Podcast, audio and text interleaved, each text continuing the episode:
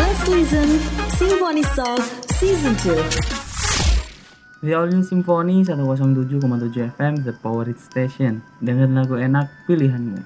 Hai Sobat Muda, welcome to Stall. Selamat datang di Symphony Stall di episode 3 Jadi di episode 3 kali ini kita bakal bahas something different ya dari sebelum-sebelumnya Iya kita bakal bahas sesuatu yang agak mistis Mhm, Spooky, Iya. Spooktober Mumpung edisi Halloween ya Bar ya Iya betul banget Oke. Terima kasih ya Sobat Muda yang udah gabungan Kita tunggu banget gabungan-gabungan kamu selanjutnya Mhm. Alright, kita langsung mulai dari cerita yang pertama. Jadi cerita pertama ini latarnya di Kalimantan Tengah ya, sobat muda. Kalimantan Tengah, eh, namanya Ica. Si cewek ini dia adalah anak bungsu dari tiga bersaudara. Dan kebetulan kakak-kakaknya Ica ini lagi kuliah di luar pulau. Jadi di rumah itu cuma ada Ica sama dua orang tuanya. Si Ica ini katanya sih punya kakek, kakek buyut. Nah, jadi si kakek buyut ini konon katanya itu punya peliharaan. Dan peliharaan kakek buyut ini uh, bukan kayak bukan hewan ya, tapi dia melihara makhluk halus. Iya. Makhluk halus gitu ya Iya. Iya sih biasanya kan kalau orang-orang dulu tuh biasanya melihara-melihara kayak gitu ya Jol ya Mm-mm.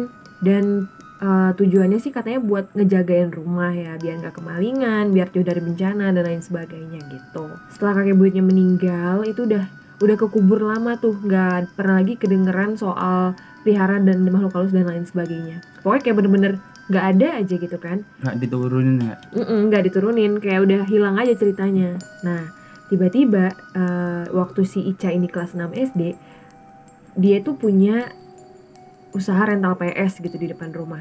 Nah malam itu sempat ada kejadian eh, kemalingan.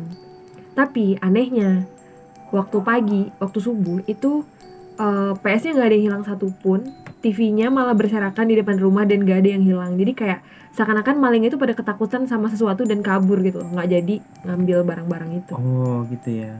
Nah dari situ eh, keluarga si Ica ini bingung kok ini barang nggak ada yang hilang, tapi hampir kemalingan gitu kan kok cuman ber- berserakan aja di depan rumah gitu. Barang-barang elektronik kan kenapa nggak diambil gitu kan? Akhirnya mereka kepo. Cuman kekepoan itu akhirnya ya udah reda aja.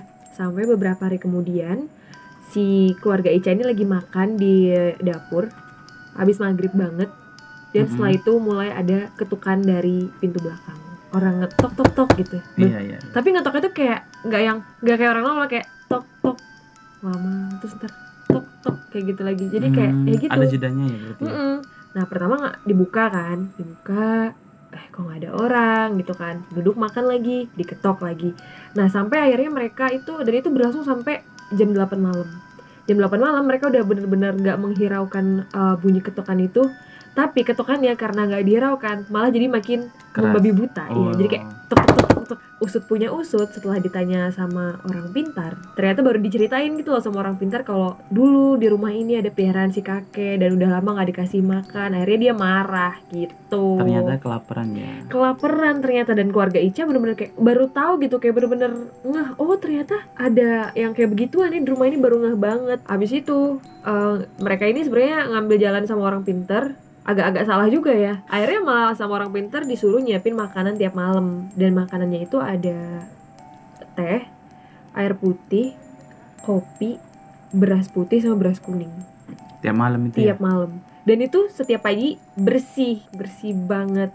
Eh, mereka tetap nyediain selama beberapa hari sampai hari seminggu. Terus tiba-tiba di hari kesekian di eh, kayaknya udah almost dua minggu gitu eh, biasanya kan kalau si peliharaan ini cuma makan doang terus Mm-mm. ditinggalin di situ nah di hari-hari berikutnya dia naikin level nih habis makan dia cuci piringnya Oh, Jadi kayak ya Orang-orang tidur di rumah, terus jam 12 malam di dapur ada yang nyuci. Kan dia kan kedengeran ya, satu rumah masih denger kan. Iya sih Ada yang nyuci, Itu yang dicuci itu yang abis dia makan Mm-mm. doang. Dan itu bersih. Kan misalnya nih gelas, kalau misalnya habis minum kan kebuka gini kan. Iya. Atasnya tuh yang yang yang bolong ya kan. Pas dia habis nyuci, itu semua ditutup. Nah, nggak sampai di situ doang nih terornya. Mereka tuh masih kayak ya udah yang penting si peliharaan ini nggak gangguin aja kalau cuma makan doang terus dicuci malah bagus gitu kan ya udah biarin aja nah tiba-tiba beberapa hari itu mereka kayak udah males gitu loh eh, ngasih makan kayak ribet juga kan harus ngurusin beras kuning lah nyediain beras bikinin kopi tengah malam kan capek juga gitu capek banget sih Mm-mm. Akhirnya mereka libur tuh karena udah merasa nggak diganggu lagi mereka libur. Ternyata liburnya mereka itu mendatangkan malapetaka. Jadi waktu malam itu eh, semua orang udah tidur sisa mamanya si Ica lagi nonton TV ya. Biasa ibu-ibu nonton sinetron kan ya Iya. malam dia lagi nonton TV posisi lampu mati dan di ruang tamu itu ada pintu yang dipakein gorden. Dan Hmm. malam itu gordennya gerak sendiri. Gerak sendiri itu bukan ditiup angin yang kayak gerak ditiup angin melambai-lambai gitu enggak. Tapi eh, pergerakannya tuh kiri kanan gitu kayak strek ngeri banget sih kalau itu ya. Serem ya. Dan mamanya Ica cuman ya udah diem aja baca doa dalam hati gitu. Nah terus abis itu di kamar kan mamanya di depan nih di ka- di depan di ruang tamu lah ya. Terus di kamarnya si Ica dia punya kotak musik. Nah kotak musik ini misalnya kan ada tuh kalau misalnya kita nggak nggak apa ya Puter. nggak keputer tuh kan dia kadang bisa muter sendiri kan. Iya. Kalau nggak sengaja nggak habis gitu loh muternya. Nah ini tuh bukan bukan suara musik yang bunyi tapi puteran belakangnya yang bunyi kayak paham paham paham iya ya Crack. crack gitu. Jadi kayak itu emang bener diputer dong tapi nggak ada orang dan itu bergerak sendiri. Udah mulai ada teror itu terus si ayah bangun tengah malam buat makan karena kelaparan. Posisinya Ica sama mamanya udah tidur. Kan tadi terornya udah di kamar Ica udah sama ibunya di depan TV Mm-mm. Nah sekarang ke si ayah. Ayah mau makan? Jam 12 malam. Tiba-tiba pas dia mau ke meja makan Itu tudung, tudung sajinya itu keangkat sendiri. Jadi kayak bener-bener dipersilahkan gitu loh sama si peliharaan ini buat makan. Peliharaan ini dia nggak berwujud Bar. Oh. Dia bener-bener nggak ada nggak ada nampaknya gitu. Dudung sajinya? Tudung sajinya yang keangkat. keangkat. Nah habis itu besoknya si ayah pergi keluar kota. Nah ini ini rada-rada mulai serem sih. Eh, soalnya ini kayak bener-bener get in touch gitu loh sama si Ica-nya. Jadi mereka ini awalnya si Mama kan, Mama ini tidur sendiri, Ica tidur di kamarnya sendiri. Terus jam 10 malam itu ternyata ada ayahnya pulang. Padahal ayahnya tuh bilang bakal nyampe nya besok, tapi tiba-tiba jam Oh. 10 malam ayahnya datang. Datang ini ayahnya. Kayak ya udah biasa salam, cium kening si Mama. Terus bilang, "Mau mandi dulu ya." Gitu kan. Mama Ica ya oke, tetap nunggu di kamar. Tiba-tiba pas mamanya Ica mau mastiin eh tadi pintu garasi ditutup gak ya sama si ayah gitu? Eh tiba-tiba pas mau nutup pintu garasi nggak ada itu. Motornya si ayah tuh nggak ada. Pintu garasinya masih rapet nggak ada yang buka dan motornya belum ada terus mamanya nelfon kan. Ternyata si ayah itu masih di luar kota. Jadi nggak ada Oh. orang yang dateng. Tadi itu siapa yang mencium kening mamanya? Ica. Ya Allah. Tapi di kamar mandi belum keluar? Nggak ada ya orang di kamar mandi. Nggak ada ya? Nggak Oh. ada tapi sebelum itu kata si Ica ada suara mandi. Si Ica nya keluar. Siapa mama mandi malam-malam mamanya cuma bisa diem dong. Kayak mamanya udah aduh udahlah nggak bisa lagi dia ngejelasin ke Ica mau gimana coba. Akhirnya udah mamanya bilang Ca tidur sama mama ya malam ini gitu. Ya udah si Ica tidur sama mamanya. Nah itu mulai. Ini ini puncak terornya sih kayaknya. Jadi malam itu ketukan si makhluk halus ini mulai dari pintu depan, dari dapur, dari jendela kamar dan dari depan pintu kamar. Jadi ketukannya bener-bener di mana-mana. Kayak kelilingi ya iya dikelilingi satu rumah satu ketukan. Tapi kalau nelpon tetangga, tetangga nggak ada yang denger. oh gitu Iya. Akhirnya mamanya sama si Ica ini ya udah cuman bisa pelukan aja tidur gitu kan kayak udahlah bodo amat gitu. Sampai akhirnya pintu kamar mereka kebuka. Kebukanya itu bukan karena kebuka ke tolong angin, karena pintunya jelas-jelas dikunci. Cuman dia kayak Crack. crack gitu, Oh. membuka ganggangnya. Pintunya kebuka pelan-pelan, kayak bener-bener dia udah nekat gitu loh bar. Si iya, penjaga paham, ini kayak paham, bener nekat masuk kamar. Dan gak cuman sampai di pintu kebuka, kirain tuh udah sampai situ aja kan. Ternyata si penjaganya ini si makhluk halus ini dia naik dong ke atas kasur. Kamu tau kan spring bed? Iya, Spring iya. bed itu kalau misalnya kita naik tuh Misalnya kita tiduran nih, Iya, kalau dia ada kaki yang naik tuh kerasa kan ada orang jalan. oh, kayak ada cekungan gitu Iya, ya cekungan. kan. That's right. Dan itu kerasa di samping badan mereka ada orang jalan. Nggak cuma jalan, dia loncat di atas itu. Tapi nggak ada, nggak ada, nggak ada, nggak ada wujud. Jadi kayak bener-bener loncat dan ya orang rebahan kalau ada yang loncat pasti, Kebayang gak sih? Ngerinya, iya, ngerinya kayak gimana tuh? aduh, aku ya Allah nggak bisa bayangin lagi udah. Akhirnya besoknya itu pas paginya mereka keluar kamar. Pokoknya itu berlangsung sekitar 10 sampai 15 menit adegan itu kata si Ica. Besoknya eh, rumah mereka tuh full asap sampai keluar. Sampai orang tetangga tuh nanya, "Ini kalian ada ngebakar apa gitu?" Padahal di rumah nggak ada yang masak, nggak ada yang apa, tapi pas dari orang dari luar ngeliatnya itu rumah full sama asap sampai keluar-keluar.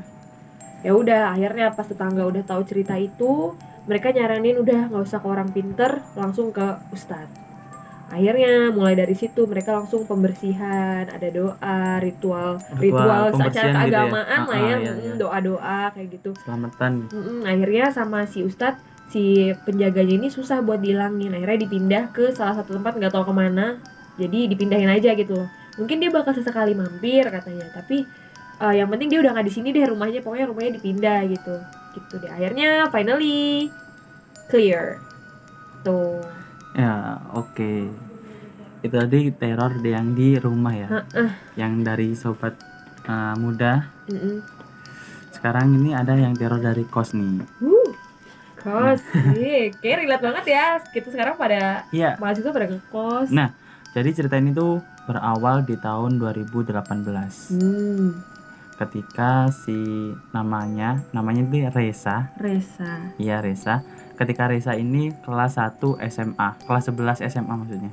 Dia tuh sebenarnya di rumahnya tuh di Malang ya tapi Malang yang agak jauh dari sekolahnya. Kabupaten ya dia? Ya tetap sekolahnya tuh di kabupaten tapi Oh, jauh, jauh. gitu iya jauh. Mm, mungkin beda kecamatan mungkin ah ya. iya Nah, akhirnya dia mutusin untuk ngekos, gitu kan. Pas SMA dia ngekos.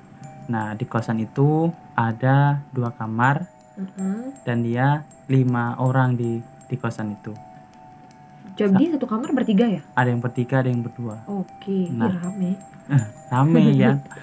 Nah, itu tuh si Reza punya teman eh, namanya si W, terus si L dan si siapa lagi gitu kan. W sama L ini ini ya yang sekamar sama dia ya? Iya gitu Mm-mm. kan. Nah ceritanya air galon si Reza ini habis. Hmm. Nah pas kebetulan si Reza dan teman-teman kelas teman-teman kos kosnya tadi Mm-mm. ngumpul di salah satu kamar yang lain itu Ah, berarti kamarnya si Reza kosong ya kosong posisinya. posisinya Hmm. kosong. Iya. Nah waktu galonnya Reza habis itu si Reza ngajak si W Mm-mm. untuk uh, ambil galon ke kamarnya terus mau beli ke warung. Ah, kayak gitu kan nah si W itu masuk tuh ke kamar mm-mm. nah sebelum masuk ke kamar si W ini tuh apa ya berdiri termenung Di depan, di depan kamar ya? pintu Oh iya.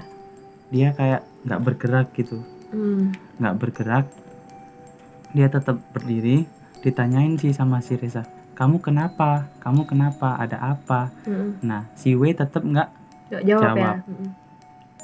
habis itu si W ambil galonnya kemudian dia langsung beli ke tempatnya ke Hmm. tempat galonnya itu ya Iya.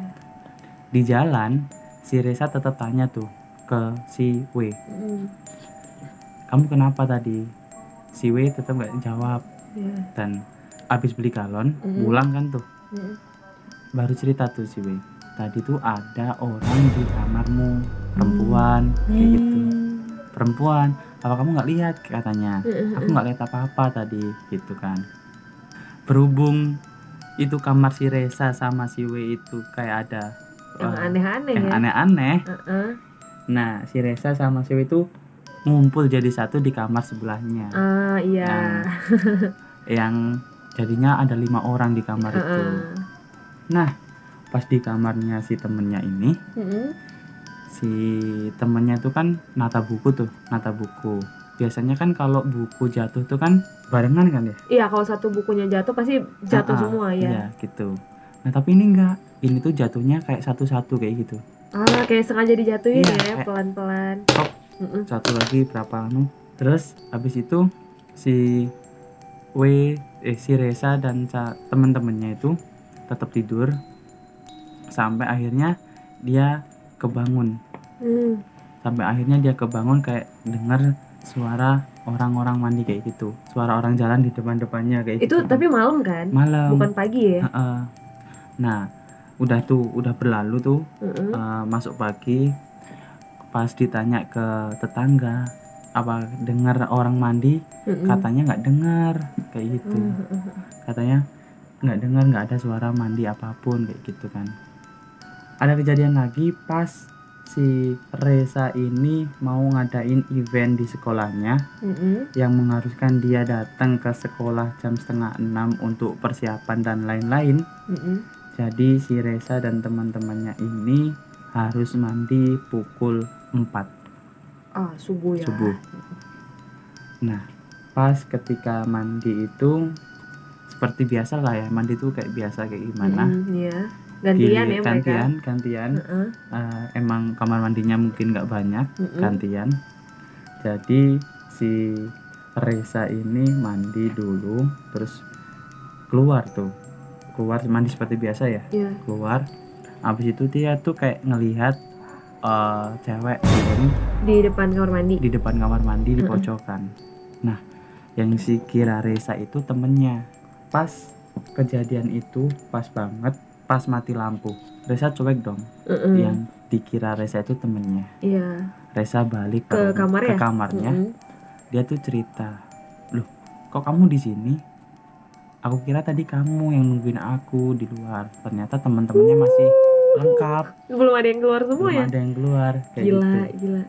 Habis itu si Reza sama temen-temennya itu mutusin buat mandi gantian sambil nungguin bareng. sambil nungguin ya. Ha-ha.